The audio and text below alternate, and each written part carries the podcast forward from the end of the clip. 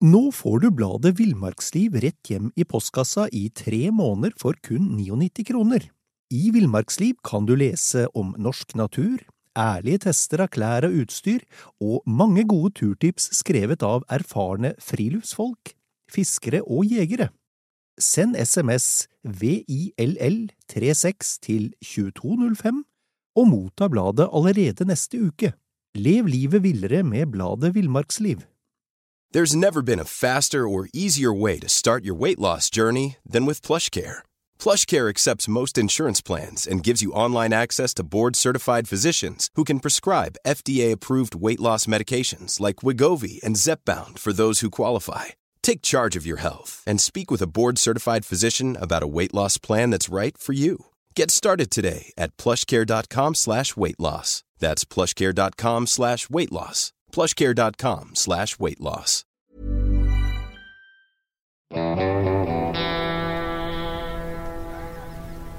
Velkommen til podkasten Villmarksliv. Mitt navn er Knut Brevik, og jeg jobber som redaktør i bladene Villmarksliv, Jakt og Alt om fiske.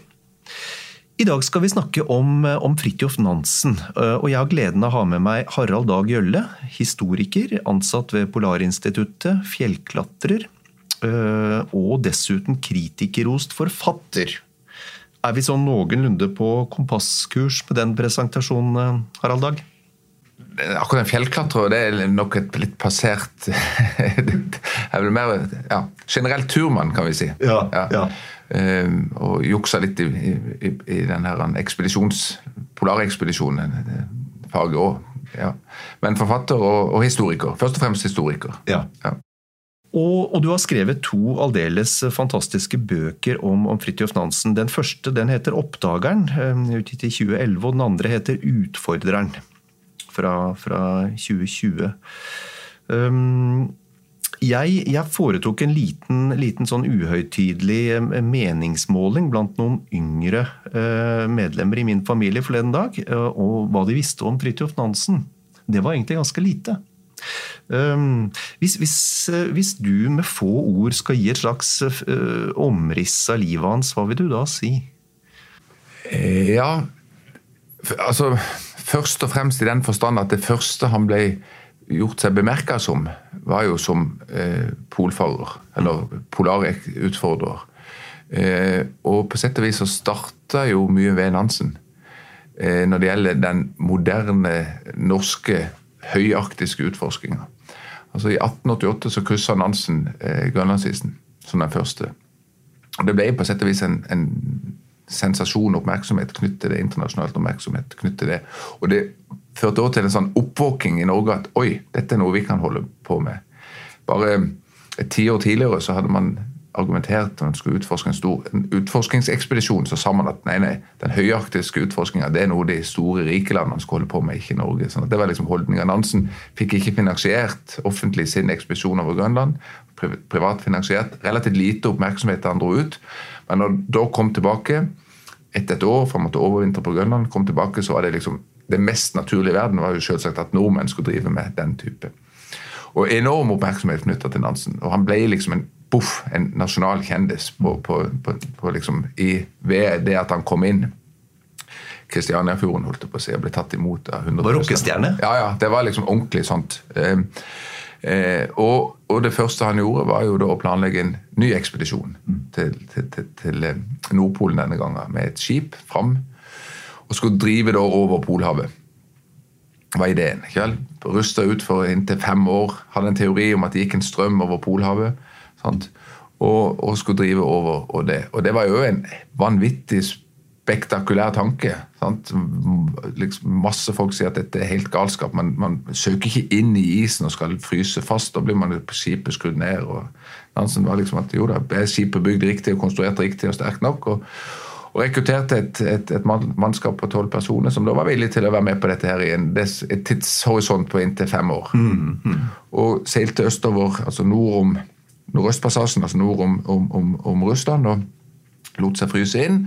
Og drev på en måte etter Teorien viste seg å være riktig, men med et lite sånn at men. De kom ikke langt nok nord til å komme til Nordpolen. Og dermed tok han den igjen vanvittige beslutninga at han kunne jo utruste med hundeslede og, og, ski og forsøke å gå til Nordpolen. Mm. Og så satt det tilbake til en eller annen kyst der det var folk. Eh, han og Hjalmar Hansen gjorde det, og kom til 86 grader nord og 14 minutter. Snudde og endte da opp på Frans Josefs land. Det vil si, De visste for så vidt ikke at det var, det var jo liksom områder som ikke var helt kartlagt. Og, de, og, og overvintra da i ei, ei fangst eller fangst lagd egen sånn hytte over på et helt igjen spektakulært vis. Og, og, hadde en vinter der som var etter alle målestokker helt vanvittig. Og traff neste vår ved en tilfeldighet en britisk ekspedisjon og fikk da eh, skyss tilbake til, til, til Vardø. Mm.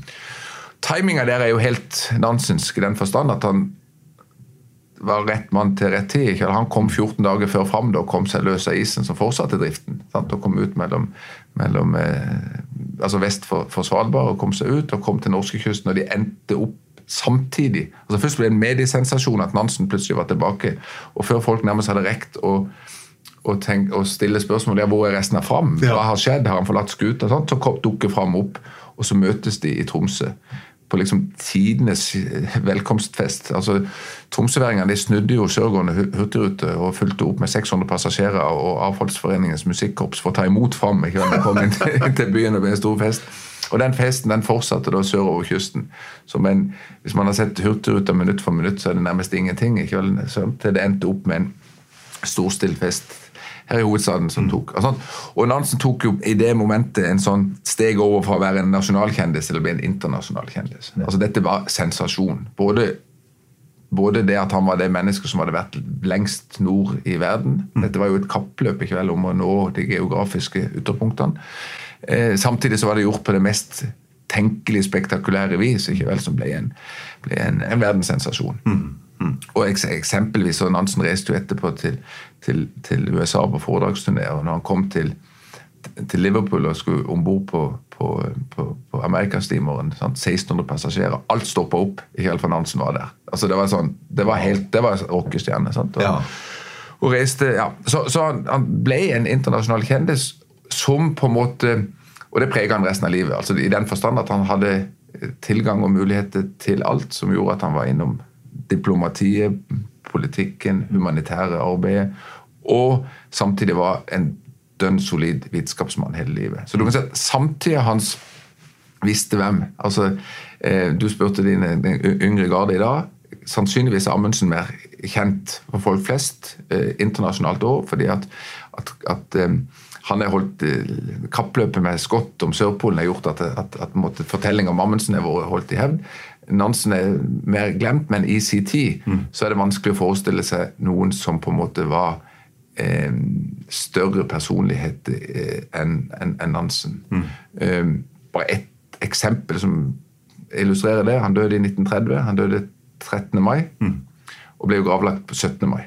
Mm. Kista sto utenfor eh, universitetet, og 17. mai-tog defilerte forbi. Altså Det sier jo litt om posisjonen han hadde da i, i sin samtid da han, da han mm, døde. Mm. Men det også er en sånn timing fra himmelen, nesten? Ja, jeg sa, jo, jeg, jeg sa det en gang til en kollega at, at eh, hvem andre, Det er vanskelig å forestille seg altså på det tidspunktet hvem andre enn Nansen som kunne altså at det norske storsamfunnet gikk inn og fant ut at de skulle bruke 17. mai til gravferding av en nasjonalhelt. Hvem andre kunne man tenke seg det var? Mm. Så fikk jeg jo svaret tilbake fra kollegaen min som sier det er kun Nansen som kunne finne på å dø 13. mai. altså, så hele livet hans er jo en kombinasjon av evne, men også veldig timing. Ikke? Han var først. Han traff, eh, han traff en tidsånd. Han, han, var sentral, veldig sentral i, i, i 1905. Eh, jeg tror kanskje at hans rolle har vært av enkelte overdrevet, men han, han fanga en tidsånd og skrev noen artikkelserier der han mente at det var rett å gå ut av unionen, som på en måte fikk stor Så han var på mange måter rett mann til, til rett tid. Mm.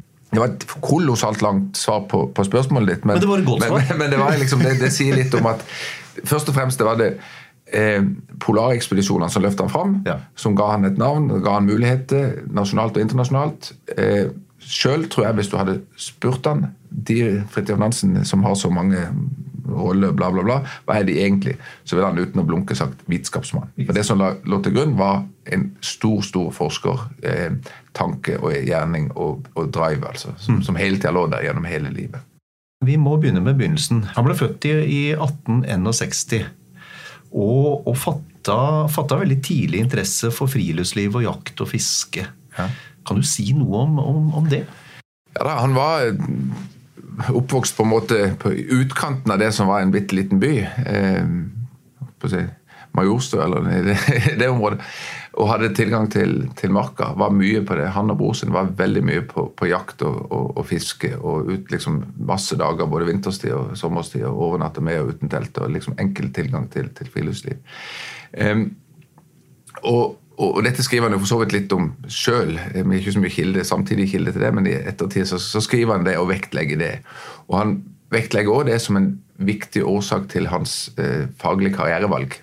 Han sier at sjøl så hadde han best interesse og anlegg for fysikk og kjemi, men valgte biologien, for det mente han at det kunne gi han en, en, en fin tilgang til å være mye ute i, i, i, i fjellet og i skogen.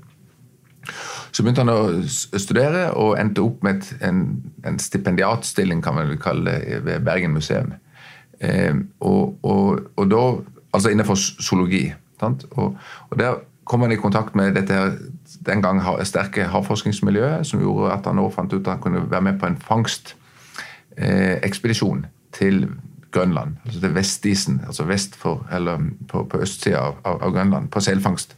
Og var med på det for å samle inn eh, materiale til sin doktorgrad. Han, var skytter, han, var skytter på den, eh, på den skuta? Altså han var jo med egentlig som vitenskapsmann. Eh, for å, altså fikk, han fikk lov å være med for å samle inn materiale fra, fra, isen. Men klart han hadde jo enorm interesse for fangst og var jo med og, og bidro jo i, i, fangsten. Og ikke minst i, når det fikk muligheten til å skyte isbjørn. Og Han kom jo tilbake og skrev jo en fantastisk fascinerende fortelling i Illustrert sportstiden, eller hva det het for noe, om denne opplevelsen av å være hans første isbjørnjakt. Veldig rikt beskrevet. Og den turen han var med på, eh, fangstturen, ble òg utgangspunktet for ei bok som han skrev som het 'Blant sel og bjørn'. Som han skrev i 1925, altså som en godt voksen mann, der han ser tilbake på dette og reflekterer over jaktiver. og En bok jeg absolutt vil anbefale, som, som, som er en god fortelling av livet om bord i en tradisjonell fangst. Mange var der jo selvsagt dette var næring, inntekt, dette var råfangst, overdriftsfangst, mens han da som ung entusiast jeger liksom virkelig gikk inn, inn, i dette her med, med, med stor eh, interesse. Mm. Samtidig så har du hans da, kunnskap om utvikling av selbestanden og isbjørn og sånt, som han reflekterer da mange år etterpå. så det, ja. Men det, det, det, er jo et, men, men det er jo en sånn illustrasjon på at det er inngangen til hans studie, som han da disputerte og gjorde en doktorgrad på, altså om, om, om eh, materialet fra, fra den, annet innsamlinga der. Mm. Samtidig så var jo den vekkeren for Grønland.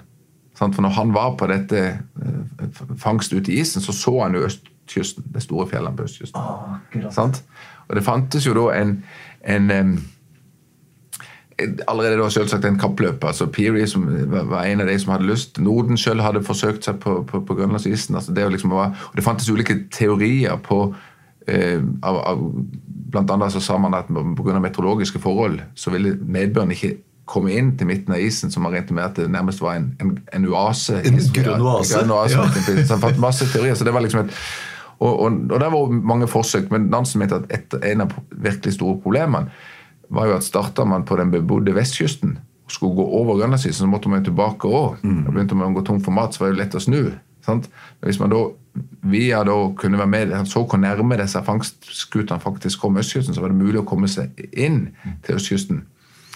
Starter man sånn, så har man bare én vei. det har avstand. Samtidig så vil jo ingen finne på å snu. Det er ingenting å snu til. Så alle vil på en måte ønske bidra til å kan jeg sa, vestkysten eller døden. ikke vel? Altså Man har ikke noe valg. og Da kommer man fram.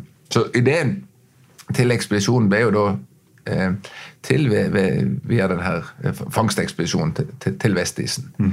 Eh, og ja, og eh, så, så, så inngangen hans både til vitenskapelig retning eh, ser jeg iallfall sjøl hadde med, med hans eh, jaktiver. Og du ser jo det i, i beskrivelsene f.eks.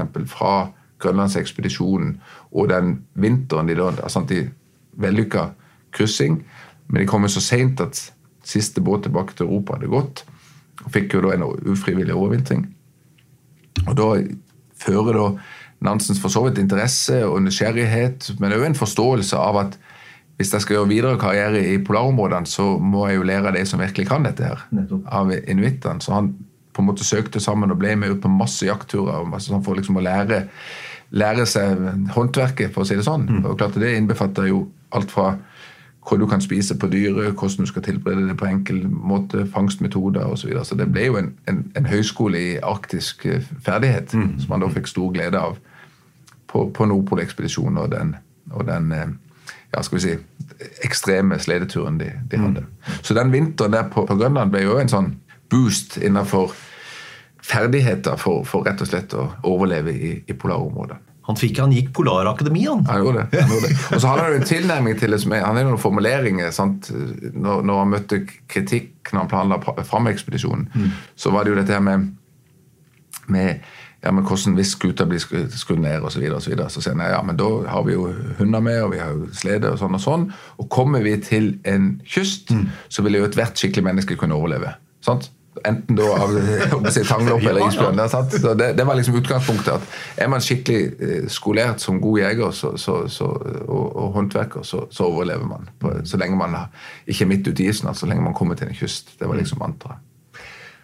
Vi, vi må snakke litt mer om den turen over Grønland. fordi han, han, han fikk jo da, etter alt å dømme, som du skriver, motivasjon da han selv var med på, på fangstskute, og, og, og satte etter hvert sammen et, et lag med, med, med, med menn som skulle gå på ski over Grønland i, i 88. Og, og hvordan, hvordan valgte han ut eh, folka sine? For det første ble det gjort veldig kjapt. Veldig kort tid. For dette var jo Han disputerte samme våren på doktorgraden. Sant? Fikk en del kritikk på avhandlinga at det var noe som ikke sånn, at Det var bedre å være dårlig forberedt der enn på Grønland. eh, Isen, sånn. Det var en ekstrem vår der han satt sammen. Og han fikk en voldsom mengde søknader som folk som ønsker å være med. Altså, det finnes enormt, hvis du går på arkivet, av brev fra folk som ønsker, når dette ble en kjent sak, ønsker å være med. Så det var jo for så vidt en, Men han var jo opptatt av det med ferdigheter, sånn type norske vinterfjellivet. De som hadde erfaring fra det norske vinterjakt og, og, erfaring fra, fra det. Og noen hadde jo eh, militær bakgrunn osv. Så videre. sånn, satt sammen med det. I tillegg så fikk han jo da en, en idé via den svenske store polarforskeren Nordenskjöld om at samer bør man ha med.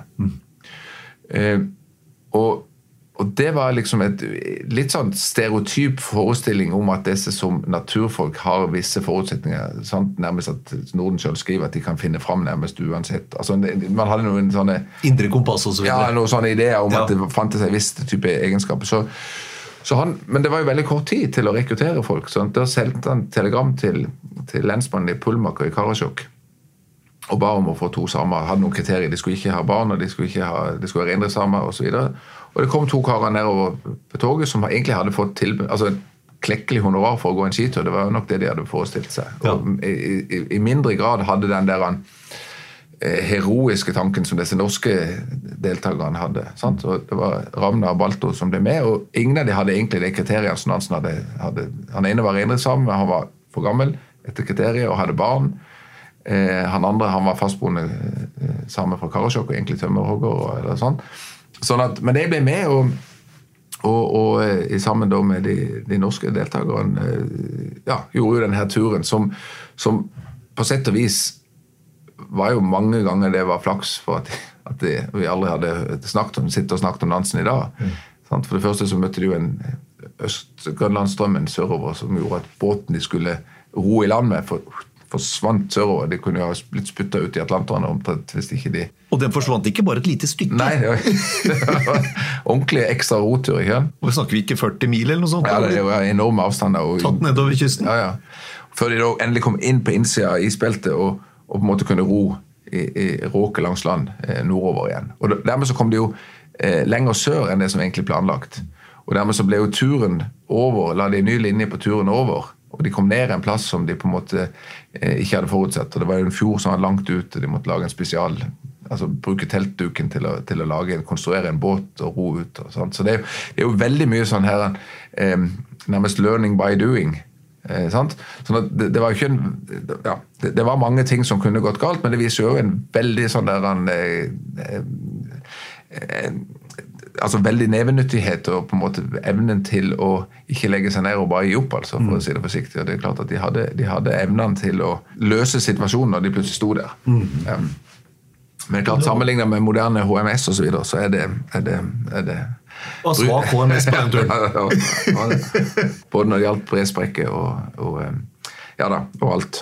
Ja, for, for, for, det var jo ikke bare det at de skulle mm, inn, ta seg inn på land. Vi har jo snakket litt om det nå, at, at havstrømmen førte de, førte de, langt av gårde før de klarte å slite seg inn igjen. Um, men, men, de måtte jo opp på breen også.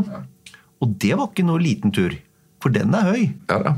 Ja, da, det er jo klart det er jo altså på Grønlandsisen, det, ikke, det, er jo så langt sør, så jeg husker ikke hvor høyt det er, men på lenger nord på Grønlandsisen så er det jo over 3000 meter for å komme over. Så det er jo en voldsom sant? Det er jo en lang uh, skitur, altså, etter de fleste målestokker. Det er, med datidas utstyr og tunge sleder osv. Så, videre, så er det jo en, en vanvittig Og dette var uten hunder, som senere ble på en måte introdusert. Så det var liksom det var den der fortellinga, boka og fortellinga, det er på ski over Grønland. Men det er klart at mye av dette Eh, og når de kom opp og utover, så, så, så hadde jo skiene selvsagt e-, effekt, men, men, det er jo ikke noe eh, Forestille seg en moderne skitur der vi glir av gårde, så er det, det var mye tung, tung tung draging altså, og mm. skyving på, på sledene.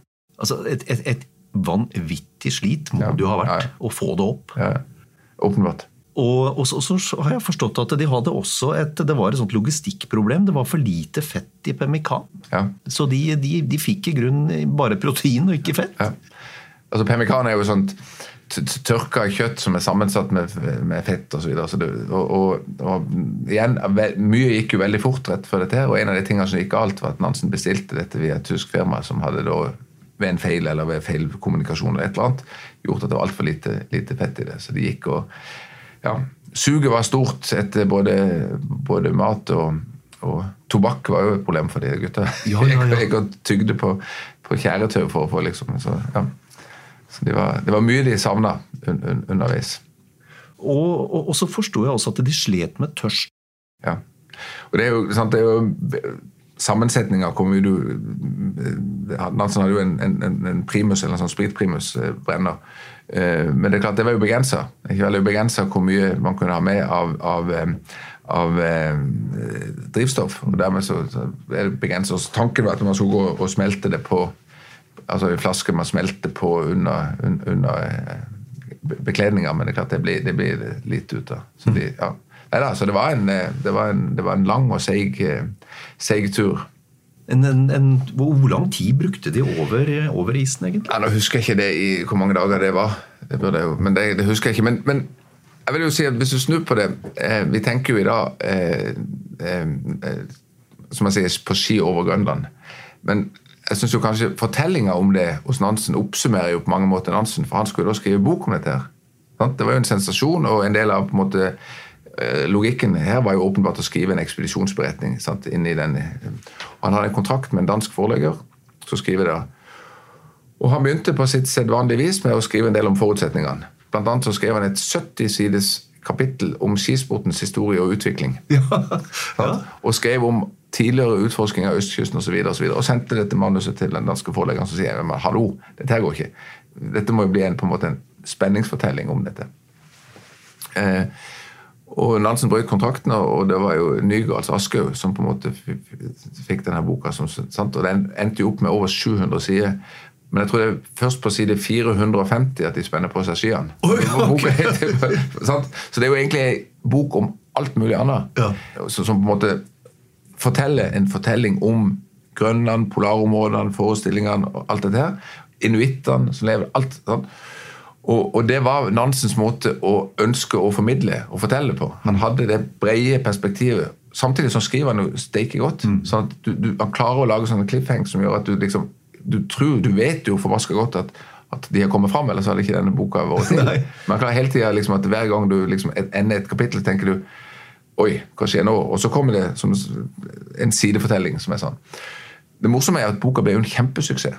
Den la jo grunnlaget for Askøy forlag. suksessen. Det ga grunnlaget for, for Nansens etter hvert eh, formue.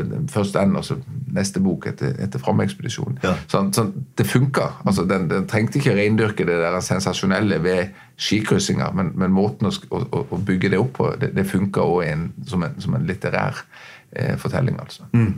Du har jo nevnt det, men, men han eh, de, de, de kom jo over eh, de, Etter seks uker eller hva det var, så kom de over isen. Eh, Men, men de ble jo da liggende vinteren over på, på Grønland. Og, og som du nevnte, han brukte jo tida godt, fordi han, han var jo sammen med inuittene for å lære seg det grunnleggende. Ja da, han, han, han brukte det, og, og jeg tror jo det at altså at han har rett og slett tenkt at dette her må, nå må jeg nytte tida. sant? Og mange vil nok altså Grønland på den tida besto av en koloni, sant? og danske kolonibestyrere osv. Han kunne jo levd livets glade dager der, men, men ble med ut masse turer på Lærte seg å padle kajakk lærte seg å, å, å, å, fangste på reinjakt og på kveitefiske, ikke minst fra kajakk. Det er jo fantastiske beskrivelser av hvordan han forteller om hvordan de satt der og, og, og, og når kveita da beit. Sant? Og de inuittene satt snøret i tennene og bare for etter med kajakk til de, de? Jo, Det, er, ja, altså det, det, det er noen fortellinger der som en beskrivelse der som er, som er, er, er fenomenalt eh, gode. Eh, og, han, og at han virkelig at det satt mm, på en måte At han både prissatte det, og at, han, at, han, liksom, at det var viktig for han eh, er jo en tydelig dokumentasjon i at han skriver når han er ferdig på ski over Grønland, som blir en kjempesalgssuksess osv., så, videre, så, så skriver han en bok til som han kaller for Eskimo-liv. Og det er en beskrivelse av det han opplevde. Det er en form for sånn skal vi si en ja, I dag ville man kanskje sagt en sånn antropologisk beskrivelse av levesett og moral og altså, alt for, sånt. Og fangst og bli med ut på Han skriver jo et kapittel som er blitt voldsomt rost i kveld, som er bli med ut på kajakkfangst i kveld, hvordan dette, dette foregår. Eh, samtidig så er det en knallsterk kritikk av europeernes framferdsel, ikke bare på Grønland av kolonialiseringa, men, men i hele verden. Og Hvis du ser på hvordan Nansen beskrev inuittene før han reiste, og etter han reiste, så er det en påfallende kontrast. Altså, Mye av hans forståelse av en fremmed kultur og verdiene det har i seg sjøl, det, må du gå tilbake til Grønland og hans vinter der til å få en annen type respekt for en annen kultur. Altså Måten han beskriver inuittene på før han kommer dit, er helt sånn klassisk sånn eurosentrisk eh, 1800-talls framstilling. Etter, etterpå så blir det veldig viktig for han å si at det, det er sagt så mye nedlatende om Grønland og sånn og sånn. Det stemmer ikke. sant? Altså Han, han, han kjører sånn. Eh, For han har en dyp respekt for, ja, ja, eh, åpenbart. åpenbart. Og, det er noe han har gjennom hele livet. Altså Bare for å ta en et stort hopp i historie. altså På, på 1920-tallet så begynner den såkalte Grønlandssaka. Der det blir en, en, et, et politisk moment fra Norge om å okkupere det, eller på en måte ta Noen sier ta tilbake, men andre sier at altså beslaglegge deler av den ubebodde kysten på, på, på østsida. Og det er jo en kjemperivalisering mellom Danmark og Norge på det. Det er én stemme som går ut og sier nei, det er verken danskene eller eh, nordmennene som har rett på Grønland. Egentlig så burde danskene pakke sammen alle sine skip og reise tilbake og la inuittene, eller eskimoene som man sier, beholde, beholde Grønland alene. Og det er jo en veldig radikal tanke på, på, på, på 1920-tallet. Så, så, så det har eh, Og det er klart at det er ikke vanskelig å søke tilbake til, til, til eh, den vinteren han hadde der på, på Grønland, som var åpenbart i 1888 så var det en unik erfaring. Det var veldig få som, som, som hadde vært, i, i norsk kontekst i alle fall, vært på Grønland. og enda færre da som hadde levd så nært sammen med, med, med jegersamfunnet. Så, så han, vi kan vel si at han da forlater Grønland, og da har han, eh, og og litt i ettertid, så har han altså lært en del om hvordan man, eh, hvordan man eh, skriver en god fortelling om, om ekspedisjonen. Han har lært litt om ledelse, om overlevelse i arktiske forhold. Um, og, og dette bygger jo frem mot, uh, frem mot Fram-ekspedisjonen. Um, han får spesialbygd et fartøy han, av, av den kjente skipskonstruktøren Colin Archer. Um, og så, og, og, og, Kan du si litt om hvordan det var konstruert? For det var også ganske grensesprengende. Ja. Altså, det, det første var jo at altså, Tanken om denne her strømmen over Polhavet den er jo interessant, for det var det at det var gått ned i et skip borte i Beringstredet. Og vrakrester fra det ble funnet på vestkysten av Grønland. Sant? Og Da begynte jo folk å spekulere hvordan i all verden kan det ha kommet dit. Og Den eneste logiske forklaringa som Nansen og andre på en måte sa, det er at det må ha gått over Polhavet. At det, og Fra det skipsforliset hadde gått ned til det ble funnet, så hadde det gått fem år. Så det var liksom tidsrammen på det. Og Det kunne jo ha ligget lenger på vestkysten, sant? men vi visste at det var horisonten på det. Så Nansen sier at skal man på en måte bevise dette, eller på en måte utforske om den, at den teorien stemmer, stemmer, så er det jo eh, bare å bygge et skip som er sterkt nok. Eh, og, og, samtidig kan man da ikke jobbe mot kreftene, men, men, men med dem. Man, man, driver med. Eh, men, men, det er på en måte mantra innenfor all polarvirksomhet fram til det var jo Nå får du bladet Villmarksliv rett hjem i postkassa i tre måneder for kun 99 kroner. I Villmarksliv kan du lese om norsk natur, ærlige tester av klær og utstyr, og mange gode turtips skrevet av erfarne friluftsfolk, fiskere og jegere. Send SMS VILL36 til 2205 og motta bladet allerede neste uke. Lev livet villere med bladet Villmarksliv. Millions of people have lost weight with personalized plans from Noom, like Evan, who can't stand salads and still lost 50 pounds. Salads, generally, for most people, are the easy button, right? For me, that wasn't an option. I never really was a salad guy. That's just not who I am. But Noom worked for me. Get your personalized plan today at Noom.com. Real Noom user compensated to provide their story. In four weeks, the typical Noom user can expect to lose one to two pounds per week. Individual results may vary. For guds skyld ikke sitt fast i isen. Sånn, blir skuta satt fast i isen, så blir den til slutt skrudd ned. Det er så enorme krefter som presser skuta si før eller senere uansett, så bang, så presses den ned. Mm. Da var Nansens tilnærming til det at hvis den er bare sterk nok, og at det er en form på det som er rund nok, sånn at ikke isen får, får tak, mm. så vil den skvette opp. Hvis presset blir sterkt nok, så vil det skvette opp. Det var teorien. Og gikk og diskuterte dette med Colin Archer. Han diskuterte det med ishavsskippere i Nord-Norge, bl.a. Hans Christian Johansen, Johansen, liksom at, som hadde erfaringer fra situasjoner. De hadde hatt skuter som var runde og sånn, og liksom, liksom kom fram til at dette er en plausibel plausibel mulighet. Mm. Og, og, og, konstruksjonen på Fram ble jo enormt sterk med, med tverrgående spante og isud og sånt. Og, og, det var liksom at dette skal gå. Samtidig var den jo rund som ei badekar, så den var jo forferdelig sjøbåt. Den var god i isen, men den var jo forferdelig sjøbåt. det var jo en som på Badekar? Ordentlig badekar. Det var jo han, eh, en av deltakerne fra Vestre Slidre som var på, på Fram 2-ekspedisjonen, de seilte over til Grønland, han sendte, sendte brev hjem til, til foreldrene og sa at eh, at han hadde vært så sjøsjuk at den første uka han var så sjøsjuk han var redd han skulle dø. Rest, resten av turen var han redd han ikke skulle dø. så Det er jo mange vitnesmål på det er forferdelig sjøbåt, men, men, i isen fungerte det. Så, ja. så, det holdt. Eh, så de kom jo da etter da i 1893 har seilt eh, sant, opp norskekysten og videre østover eh, eh, i Sibir. Mm. Så kom de så langt øst som til de nysibirske øyer. Eh, Nansen hadde jo et håp om han skulle komme, komme enda lenger øst. Sant, for å være sikker på Nettopp å drive Helt ideelt sett bort til Beringstredet. Ja. Men jeg tenkte ok, vi får give it a try. Og lot båten gå inn i isen. Og, og, og gjorde seg klar for, for den lange, lange driften. Eh, og det, altså det alt funka jo egentlig som det skulle. Mm. Eh, båten holdt. Du hadde noen grensetilfeller de flytt, altså som de tenkte nå knaker det så voldsomt at de liksom sant? Og var redde skulle gå og flytte ting ut på isen i, i, for å være klar til evakuering. Sant? Og igjen, De hadde jo utstyr, de hadde hunder med, de hadde alt dette som i utgangspunktet var for evakuering, altså mm. hvis de må, hvis de må forlate, forlate skuta.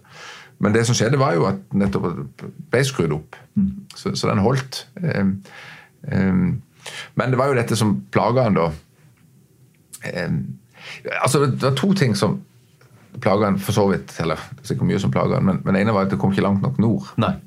Det andre, og det synes jeg er vesentlig, og det sier alt om kanskje Nansen som, som, som vitenskapsmann. Sant? Fordi at eh, vitenskapen generelt, altså forskere rundt i, i, både i Norge og internasjonalt, hadde vært kritisk til det der. Sant? At Polhavet, eller det sentrale Polhavet, Man visste jo ikke hva det var for noe. Sånn, Altså, Vitenskapen visste mer om månens framside enn man visste om, om, om Arktis nord for 85 grader. Ja, For det var bokstavelig talt hvitt kart. Helt. sant? Men ingen sett. Månen kunne man tross alt studere med kraftig teleskop.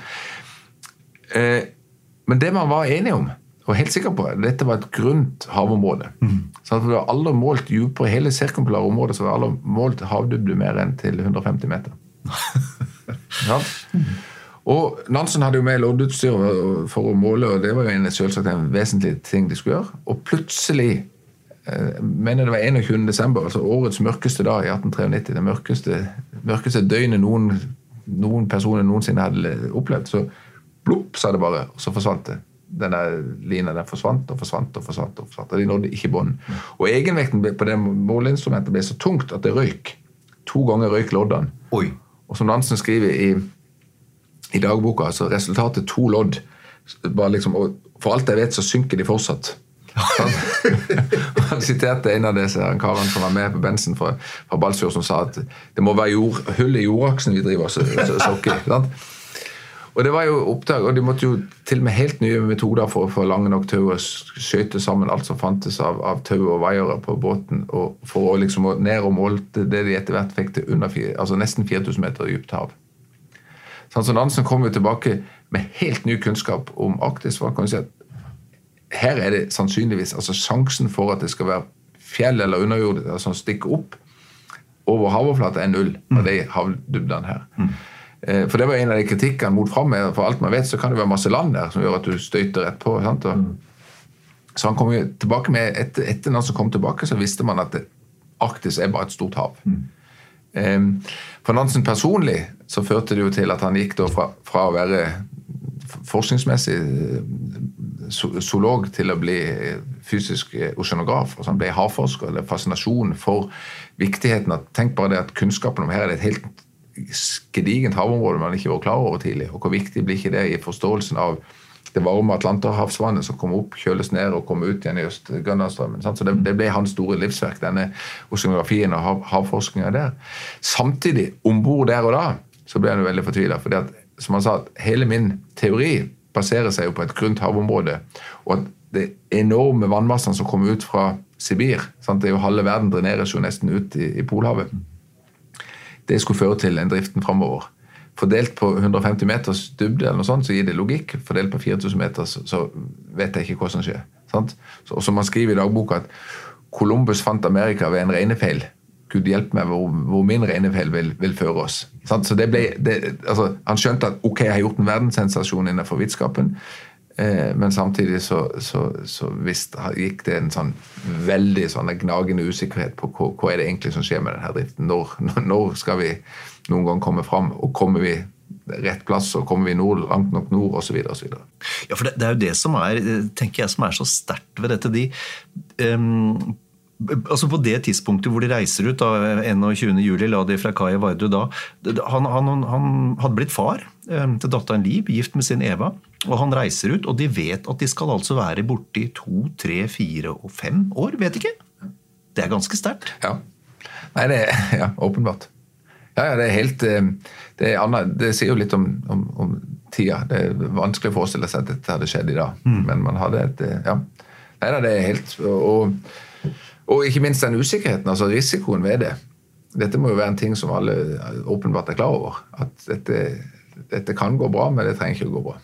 Og, og det bringer oss jo litt over på, um, på dette med usikkerheten. De, de lar seg altså fryse inn. Eh, eh, jeg, vil, jeg vil tro det hele tida er lyder av, isen som presser mot skroget. Du har kulda.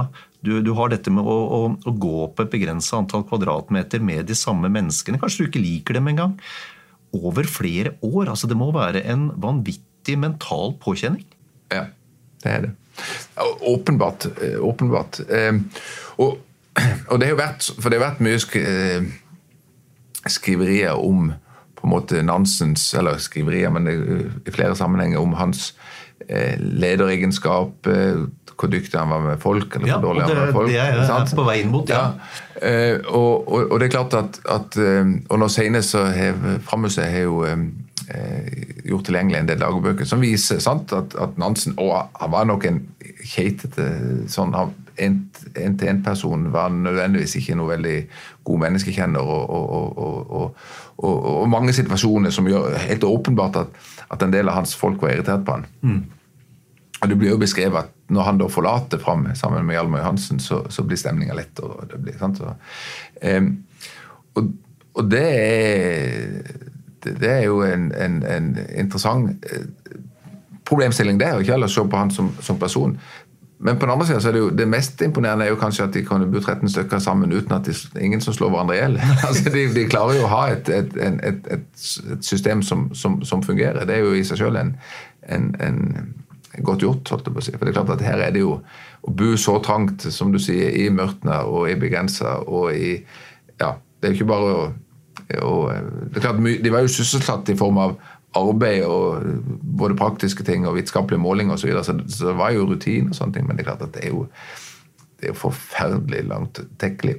Og uten at det er noe det er jo ikke, Man vet jo ikke horisonten på dette. Nei, nei.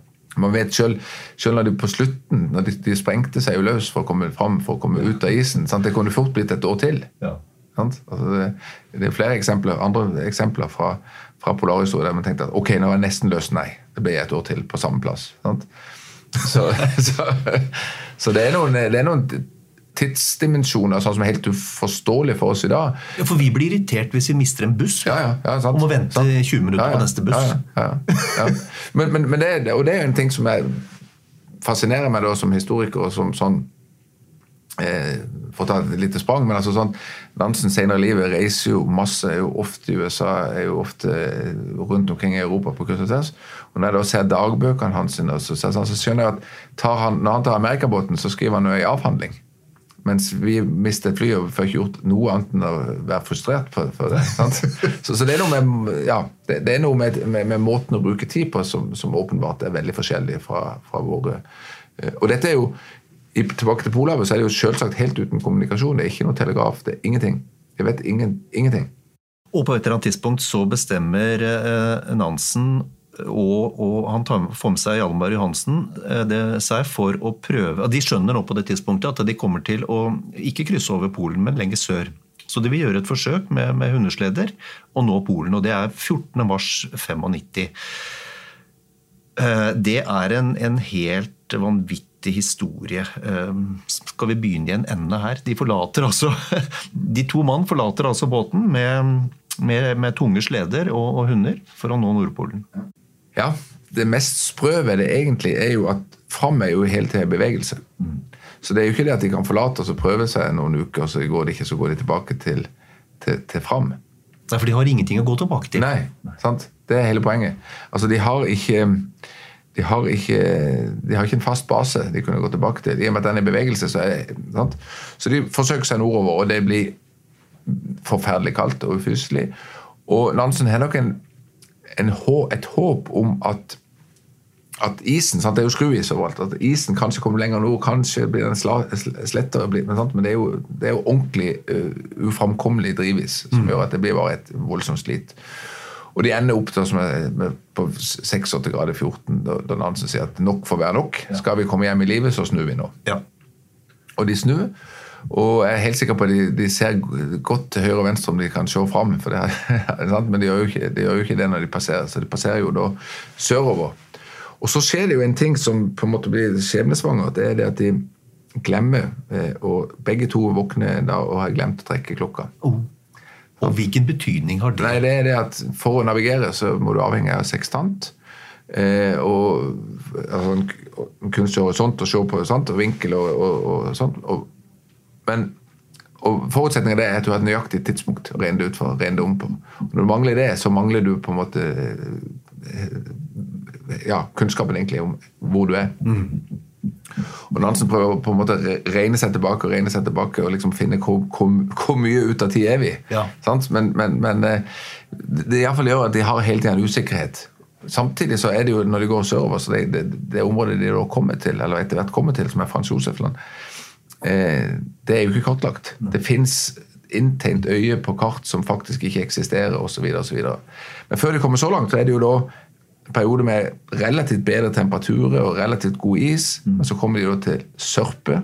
altså De kan verken padle eller For de har jo med altså På sleden så har de jo da kajakker. Igjen, Nansen har vært på Grønland og, mm. og konstruert kajakker. På et eller annet tidspunkt så må de da forlate isen og over i der. Men så havner jo da i, i, i sørpe at de kommer ingen vei. Sant? De ligger en måneds tid og venter. og ja. Etter hvert går de tom for proviant, men på et tidspunkt så, så, så, så treffer de ei storkobbe. Altså de får seg en sel, så, de, de, så de, Sannsynligvis er det det som berger de fra sjøbruk mm. på det tidspunktet. Mm. Eh, men det blir en møysommelig lang ferd eh, over eh, til, til, til, fast grunn, altså. Og, og, på den veien så mister de blant annet eh, kaj, altså På et tidspunkt de skulle opp og speide på videre utsikt når de er i kajakker. og, kajakken glir fra land, og Nansen stuper ut etter. Og, og, isvannet. Ja, isvannet. Og, altså Alternativet er jo altså Forsvinner utstyret, så er de døde uansett, men de gjør et forsøk. og, og, og klarer å berge det og komme tilbake. Og, altså, det skjer altså det mest tenkelige og utenkelige av, av, av drama. Og det er én liten ting her jeg bare, eh, som jeg har lyst til å bare høre med deg. Eh, for det innbiller jeg meg sier en del om Nansen. Det var i april. Eh, de var på vei nordover, og Johansen faller i vannet, 30 minus. Ja. Kommer seg opp på isen igjen. Og etter hvert så blir han gjenforent med, med, med Nansen, og da, og da, uttaler Nansen uh... ja, altså, Hjalmar Hansen spør om ikke de kan stoppe, slå telt, og så han kan få varme. Altså, det, alt blir jo ispanser. ikke Det er ikke noe urimelig forespørsel? Overhodet ikke. og Nansen sier da vi er da ikke kvinner heller. Så fortsatte de. vi er da ikke kvinner heller. Nei. Nei eh, og, og, dette skriver jo Nansen i nekologen til Hjalmar Johansen. Og sier at han angrer på det. Dette står ikke, sant? Det liksom forteller det. Og, og, at, og, at, årsaken til dette kommer opp, er at han merker jo Nansen etter noen dager at Hjalmar Johansen er litt mutt. Ja. Så han spør hva dette her dreier seg om. Jo, han syntes denne uttalelsen om at han var kvinne, det var litt urimelig. det var drøyt. Ja, var drøyt. Ja. For Johansen var ikke noe pyse. Overhodet ikke. Overhodet ikke. Men, men, nei da, så, og det er jo litt eh, Og sjargongen er jo på, på, sett og vis fornøyelig å, å, å, å lese om. altså sånne eh, Hjalmar Johansen blir jo angrepet av en, av en isbjørn. Det tar jo litt tid før, før klarer klarer på kajakken å finne fram eh, børser og sånt. og Det er, liksom, det er jo en illustrasjon av tegn hvordan han, han nærmest holder, holder isbjørn på arm, armlengdes avstand og så sier at eh, nå tror jeg sannelig de må skynde, skynde dem, eller så kan det bli for sent. Før Nansen da får, får skutt isbjørn. Ja. Så det er noe med liksom sjargongen her. Men i alle fall, de, de kommer i, i, land og begynner å padle sørover langs dette her landet de egentlig ikke vet hva er. Mm. Eh, og, og, det begynner å bli høst. Og de skjønner at dette går ikke. Dette går ikke. Og, og, og tanken her, altså Ideen for Frans Josefland er jo ubebodd. Tanken er at de skal da følge sørover så langt de kommer, og så skal de følge iskanten over til Svalbard. Eh, de skal padle over til Svalbard, og kan de, der kan de finne fangstfolk og skute og få haik hjem til fastlandet. Det er liksom det, er tanken. Um, men de finner ut at her, her, må vi på en måte, skal vi overleve nå igjen, så må vi slå leir. Og, og da har de jo så minimalt med utstyr igjen. Sant? For de har jo halvert sledene. altså alt er, eh, som ligger på tvers over kajakken. Og de har eh, altså nesten ikke redskap, nesten ikke patroner, nesten ikke våpen. Eh, og, og, det, De har litt av en slede, meie på en slede som de kan grave litt med. Så de, de graver ned et, et, hull, et lite hull i bakken mm. og bygger opp en mur. og Så finner de én drivstokk eh, stokk, drivstømmertokk som de kaller som møne. Så skyter de en hvalross som de får på land og flå, som de kan bruke eh, skinnet til å trekke som tak. Og det er ikke ståhøyde i denne hytta. sant? Og så har de jo skutt noe vanvittig med isbjørn. Så de har kjøtt, skyter eh, både hvalross og, og, og, sel for å ha som brensel. Og, og så, de, eh, så, finner de ut at nå har de fått så god hytte at nå kan de endelig liksom ligge i hver sin sovepose. Så de har én natt i en, en singel sovepose ja. før de da syr den tilbake igjen. For det var så kaldt at de fortsetter å ligge i, i samme sovepose for, for, å holde varme. Og Der ligger de altså fra september-oktober til i mai. Og, og fyrer da de klarer å få omtrent null grader midt i denne hytta. Mm. Og det er så fett. altså Det er jo en tranlampe som man har lært på Grønland. altså Bruke fett til, og spekk til å, til, til å, holde varme. Mm. Men det oser jo så veldig at altså Nansen beklager seg jo så vanvittig at han, bare han har jo papir og blyant. Og mye han har lyst til å sette på papir og begynne å skrive dagbok, men det er så fett alt det at det, det fester ikke. Nei. Sant? Og alt da, liksom, de vasker seg, det er, bare, altså, det er jo det er forferdelig vinter, rett og slett. Og der ligger de og spiser bjørnekjøtt. Ja, for de har de, det tøyet de står og går i, er det de har, og det er gjennomtrukket av tran og fett og blod. ja, ja. Og så vasker de seg litt på julaften. ja. Og så foreslår Nansen at de skal bli dus. De skal slippe å si de til hverandre. Sant? Det er raust. Ja, det er raust, og da aksepterer Johansen. Så vet de det, så er de dus. Og da har de vært sammen i samme sovepose siden 14. mars, som du, som du nevner, men ved, ved juletid så, så blir de dus. Um, så, så Nei, det er jo en Og, og det er klart at den um, Når Nansen skriver om dette her, så er det jo nesten med den største selvfølgelighet. Ja. Det, liksom, og de begynner på våren å, reparere på tøy og sy seg nye isbjørn til tøy og liksom alt dette her, reparere kajakker og skal padle videre. Men det er klart, her er det jo at det det, den vinteren her har utvilsomt satt preg på Nansen. Ja. Altså, Bror til Nansen, Alexander Nansen, sier jo at det var noe med blikket, det var et eller annet som skjedde. Og, og Nansen kommer jo sjøl tilbake i, det, i dagbøkene at det var en feil. Altså, plutselig så er han tilbake på, på denne vinteren på Prins Josef Land. Altså, du ligger rett ned hele døgnet. og Det eneste avviklinga altså, det er jo ut og gå på do og ut og hente mer isbjørnkjøtt som du skal da halsvi på, på den her eh, lille tranlampa, eller bålet. Ja, for det skal, det skal egentlig eh, det skal egentlig ikke være mulig å overleve noe sånt. Nei, vi vil jo nok tenke det. I Nansens framstilling så er det jo dette er jo igjen ethvert skikkelig menneske det er jo bare, det klarer jo det hvis du kommer til en kyst. Så det er liksom hans, Og måten han skriver det på, er jo det, det største selvfølgelighet. Så fortsetter de jo sørover kysten, og så, så hører jo han eh, Nansen så hører han eh, sånn her han, Det han lurer på meg er ulv. Ja. Et eller annet på land. Ja. Så tenker jeg det kan ikke være ulv, det er for langt ut. og bla bla. sant? Og, og tenkte det må være hund. Kanskje det er hund.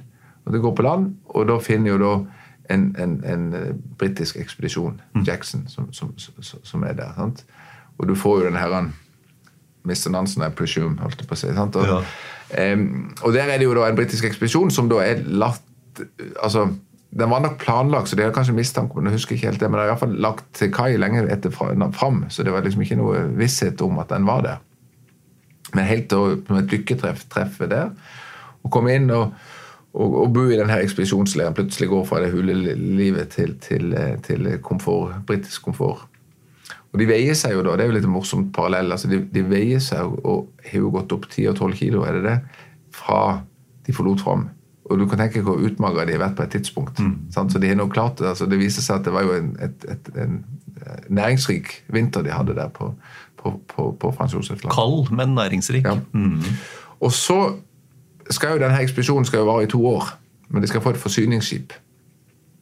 Men de ser jo på isforholdene at det er det vanskelige isforhold, og det blir stadig utsatt av forsyningsskip osv. Og, og de, de lurer på hva er det som, som, som skjer her.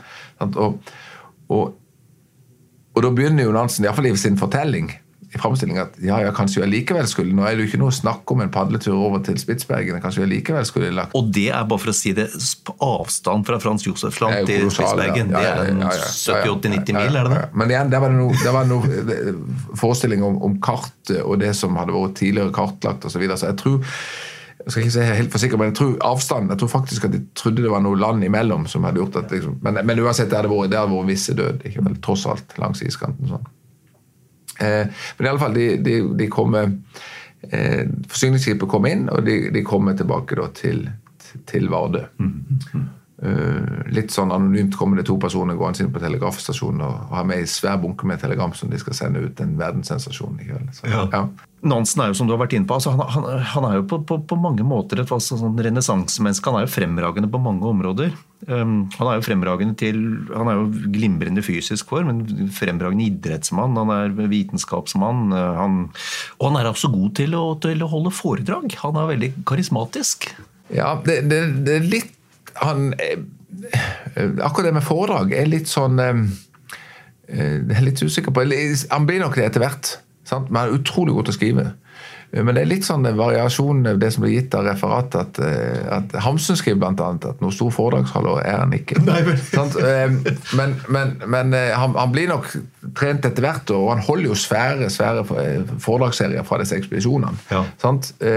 Men på slutten av livet så er det jo flere som sier at av og til så kommer han uforberedt. og sånt, så, så, så er, Det har vært spennende. Det er jo en ting som du via skriftlig kilde ikke er så lett å, å si noe om i dag, men, men, men det er klart at som foredrag så han trekker iallfall enorme hus, fulle hus når han, fra, fra Fram-ekspedisjonen. Han reiser til, til, USA på en foredragsturné. Og Da har jeg regnet ut hvor mye han tjener på den turen. Altså Hvert foredrag så har han et honorar som tilsvarer ei årslønn som professor. Og han har holdt jo eh, over jeg husker, ja, hva var det, 100 eller 150 foredrag. Altså, det er enorme enorme beløp. og det, det skal jo, han, han skal jo da, Planen er jo Sørpolen, egentlig.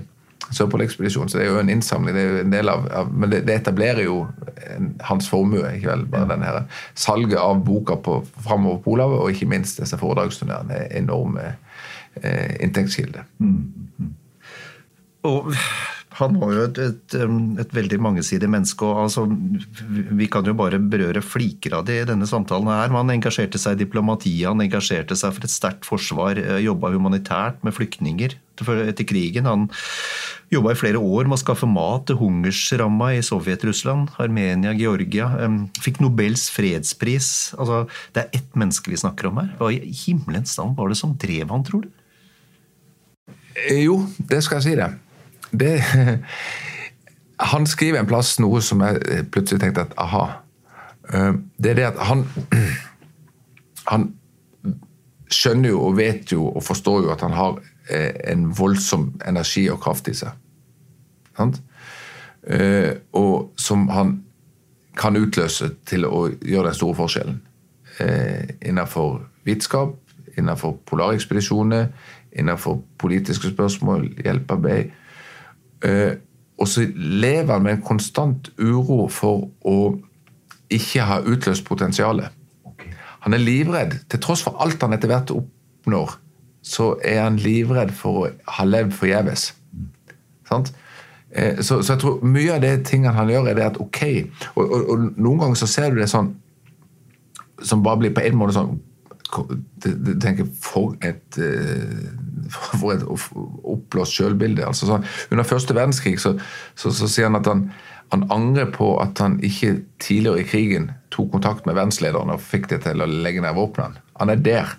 Sant? Så han tror at han har og, og, og, og, da det tror jeg er litt av forklaringa bakgrunnen for at når han ser at han kan gjøre en forskjell i forhold til det humanitære, i forhold til, sant? så tenker han ok, jeg er med. Jeg, jeg, må, jeg kan ikke la være. Samtidig så er det en, en spenning, for det, det, det, det, plager han fordi at han ser det der store, det der store uløste tingene han skal gjøre innenfor vitenskap. Mens tida går. Mens tida går. Og han skrev en, en roman og var ingen stor romanforfatter. og Den ble aldri publisert. og det tror jeg han skal være glad for. Det var forferdelig dårlig eh, pose. Så var noe han ikke var god til, altså? Ja, men, men, der var jeg liksom hovedhensikten. Det skulle være en vitenskapsmann som var inne altså Det er jo et, det blir så selvbiografisk at det ikke er tvil, men det er en fantastisk kilde til litt innsikt i hvor han ser om seg sjøl. Og da blir han jo utfordra. Hvorfor ikke han tar et større samfunnsansvar, blir politiker, gjør de tingene. Så sier han nei, nei, han har så mye han gjør, skal gjøre innenfor vitenskapen. Og så, så sier han det. Hva ville du sagt hvis Darwin hadde brydd seg mer om sosiale oppgaver enn at vi, og dermed hadde ikke vi hatt læren om, om, om uh, artens opprinnelse. Eller Newton ikke vel, hadde hjulpet til disse samtidig. ikke det viktigere for historien at vi kjenner loven om tyngdekraften? Mm. Så, så, han litt, var litt der. Mm. Vel, og det ble spenning hos han. Det, ble, og, og det gjør jo jeg at jeg syns det er en fantastisk fascinerende skikkelse, for du har hele tida Altså, han overrasker så ofte. Jeg har kalt siste bind for, for, for utfordreren. Mm. For han utfordra sin samtid fordi at den visste ikke helt hvor de hadde han. Han, han gjorde kanskje noe Han var ikke forutsigbar i, i den måten han agerte på. Du nevnte nå at han både var forsvarsvenn og humanitær skikkelse. Sant? Han hadde spenning i det han sto for, mm. som gjorde han eh, utfordrende. Men han utfordrer oss i dag òg, fordi at alle våre forestillinger om hvordan en historisk aktør eh, agerer og tenker og sånn, han, altså han, bryter med det i så mange sammenhenger. Mm. Han var, Så, så spenninga hos han er, er, var stor, var fundamental. Og det var det på det personlige planet òg, åpenbart. Altså, han sier at ok, jeg har en stor jobb. Hvorfor i himmelens navn er det Han blir så sjøsjuk. Um, det plager oss stadig ut på vitenskapelig sant? Eh, Jeg er jo egentlig en skogsmann. Det er i skogen. Det å ligge på ryggen i skogen og høre på suset av tre- granskogen, det er det jeg egentlig jeg hører hjem. Det er det jeg egentlig vil. Han ikke, og, han, og han bruker ikke minst jakt og rypejakt og reinsjakt og sånn som rekreasjon hele livet. og liksom Skjønner at dette er som å bli frisk og ung. og sånt, Men, men, men han tar jo ikke valg. Han kunne jo gjort det, bare dyrka det hvis han hadde vilt. Men han, han, han holder hele tida på, på med andre ting eh, som, som gjør at, han, at det er veldig spenning i han, både eh, si, innholdsmessig, idémessig, men òg hvordan han, han velger å prioritere å leve sitt, sitt, sitt eget liv. Har vi hatt hans like siden? Nei, i alle fall ikke som på en måte eh, som har fått det spillerommet. Sant? Altså, det er vel ikke godt. Du har medie, du har helt annen medieverden. Han kom i en, i en gryende medietid som gjorde at han fikk veldig plass, men du vil, i dag vil du ikke, det vil ikke være rom til, til, til, til at han hadde fått den, den posisjonen.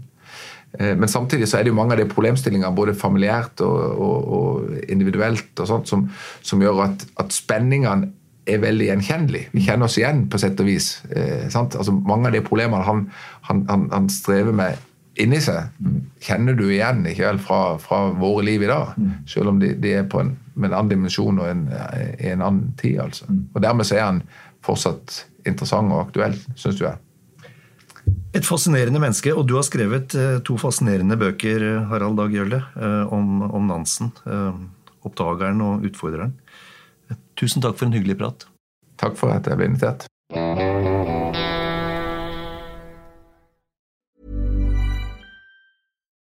Nå får du bladet Villmarksliv rett hjem i postkassa i tre måneder for kun 99 kroner.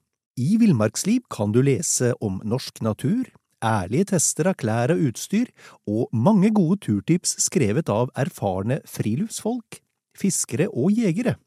Send SMS VILL36 til 2205 og motta bladet allerede neste uke. Lev livet villere med bladet Villmarksliv. Mom deserves the best, and there's no better place to shop for Mother's Day than Whole Foods Market. They're your destination for unbeatable savings, from premium gifts to show-stopping flowers and irresistible desserts. Start by saving 33% with Prime on all body care and candles. Then get a 15-stem bunch of tulips for just $9.99 each with Prime. Round out Mom's menu with festive rosé, irresistible berry chantilly cake, and more special treats. Come celebrate Mother's Day at Whole Foods Market. Even when we're on a budget, we still deserve nice things. Quince is a place to scoop up stunning high-end goods for 50 to 80% less than similar brands.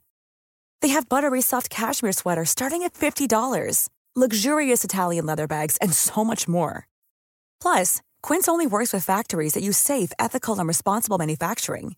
Get the high-end goods you'll love without the high price tag with Quince. Go to quince.com slash style for free shipping and 365 day returns.